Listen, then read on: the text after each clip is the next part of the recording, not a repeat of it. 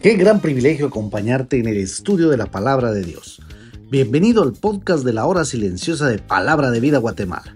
Descubriremos junto a ti los desafíos que Dios nos dará hoy a través de su palabra. Deseamos que hayas tomado un tiempo para leer con anticipación el pasaje del día de hoy.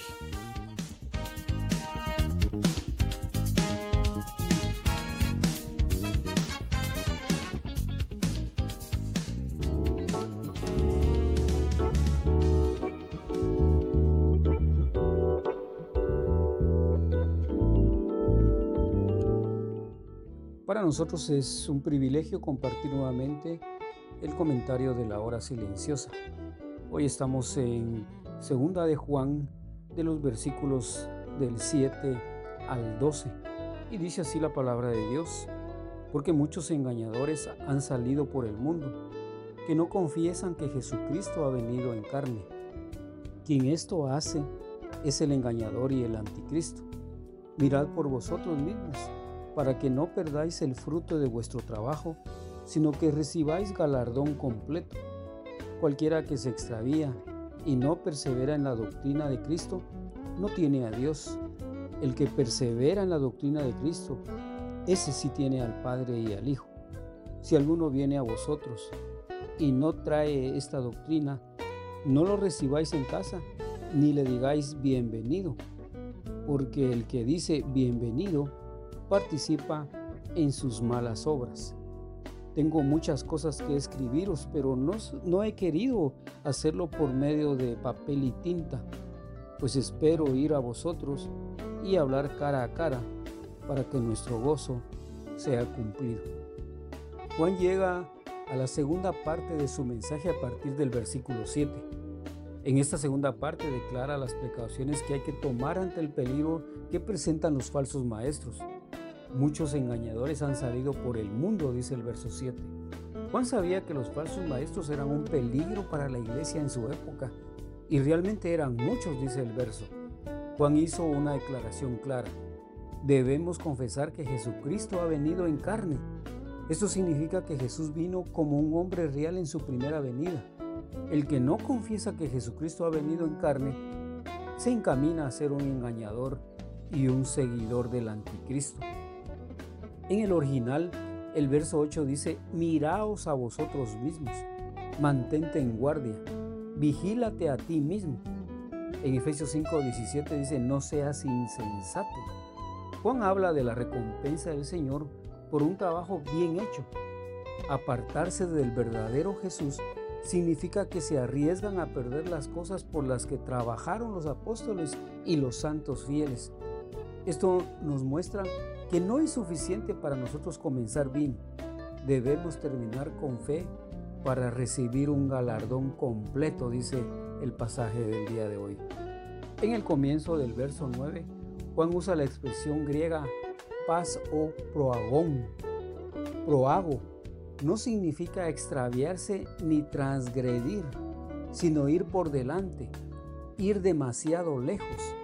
Juan se está refiriendo a los gnósticos, a los falsos maestros y anticristos, quienes pensaban que con su gnosis, es decir, su conocimiento superior al de los simples fieles, iban muy por delante de ellos. Es como que dijeran, han avanzado tanto que han dejado a Dios detrás de ellos. Ahora Juan muestra su total rechazo a aquellos que rechazan la, la sana doctrina de Cristo si alguno viene a vosotros y no trae esta doctrina, dice el verso 10, no lo recibáis. Permanecer en la verdad acerca de Jesucristo demanda una respuesta firme contra quienes han venido a propagar la doctrina falsa. Si alguien viene a nosotros negando la verdadera doctrina de Jesús y promoviendo una falsa doctrina, Juan dice que no debemos brindar hospitalidad en la época y cultura de Juan era común los filósofos o maestros religiosos itinerantes. Los predicadores cristianos también eran itinerantes y dependían de los creyentes de cada localidad para recibir hospitalidad. Si alguien venía a ellos con la función de maestro ambulante, sin traer la sana doctrina, debían negarle cualquier tipo de ayuda. Si la verdad no formaba parte de su equipaje, no debía de recibir hospitalidad de parte de quienes son leales a la verdad. En contraste, la hospitalidad se le debía dar a los creyentes verdaderos, pero a un engañador no se le debe dar ni aún un saludo de bienvenida, dice el pasaje, pues de lo contrario se hace copartícipe de sus malas obras, es decir, de su maldad. Estas palabras suenan severas, pero Juan no ha perdido su amor. Esto no significa que debamos evitar tener algo que ver con los que están atrapados por las sectas. Como indica Juan, debemos hacer una distinción entre aquellos que enseñan estas doctrinas que niegan a Cristo, aquellos que traen esta doctrina, dice, con los que simplemente creen en las doctrinas sin tratar de difundirlas. Juan se refiere a maestros de una falsa doctrina acerca de la encarnación, no a cualquier falso maestro. El falso maestro al que Juan no quiere que la iglesia acoja es el engañador y el anticristo, dice en el verso 7. Realmente negar al Jesús bíblico es siempre rechazar tanto al Padre como al Hijo. Si hay un verdadero progreso en la vida cristiana, ese progreso debe estar basado en un conocimiento más profundo del Cristo histórico y bíblico. Por eso vívelo. Es necesario enfrentar con franqueza a aquellos que no enseñan la verdad. Pero nosotros, cada uno de los que hemos creído en el Cristo encarnado, debemos caminar con la verdad siempre. El Salmo 119.10 dice, escogí el camino de la verdad. No toleres la mentira, pero di la verdad con amor.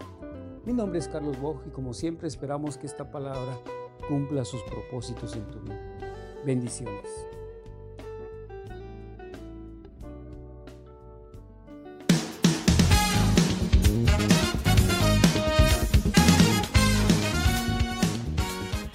Es emocionante saber los tesoros que Dios tiene en su palabra para nosotros.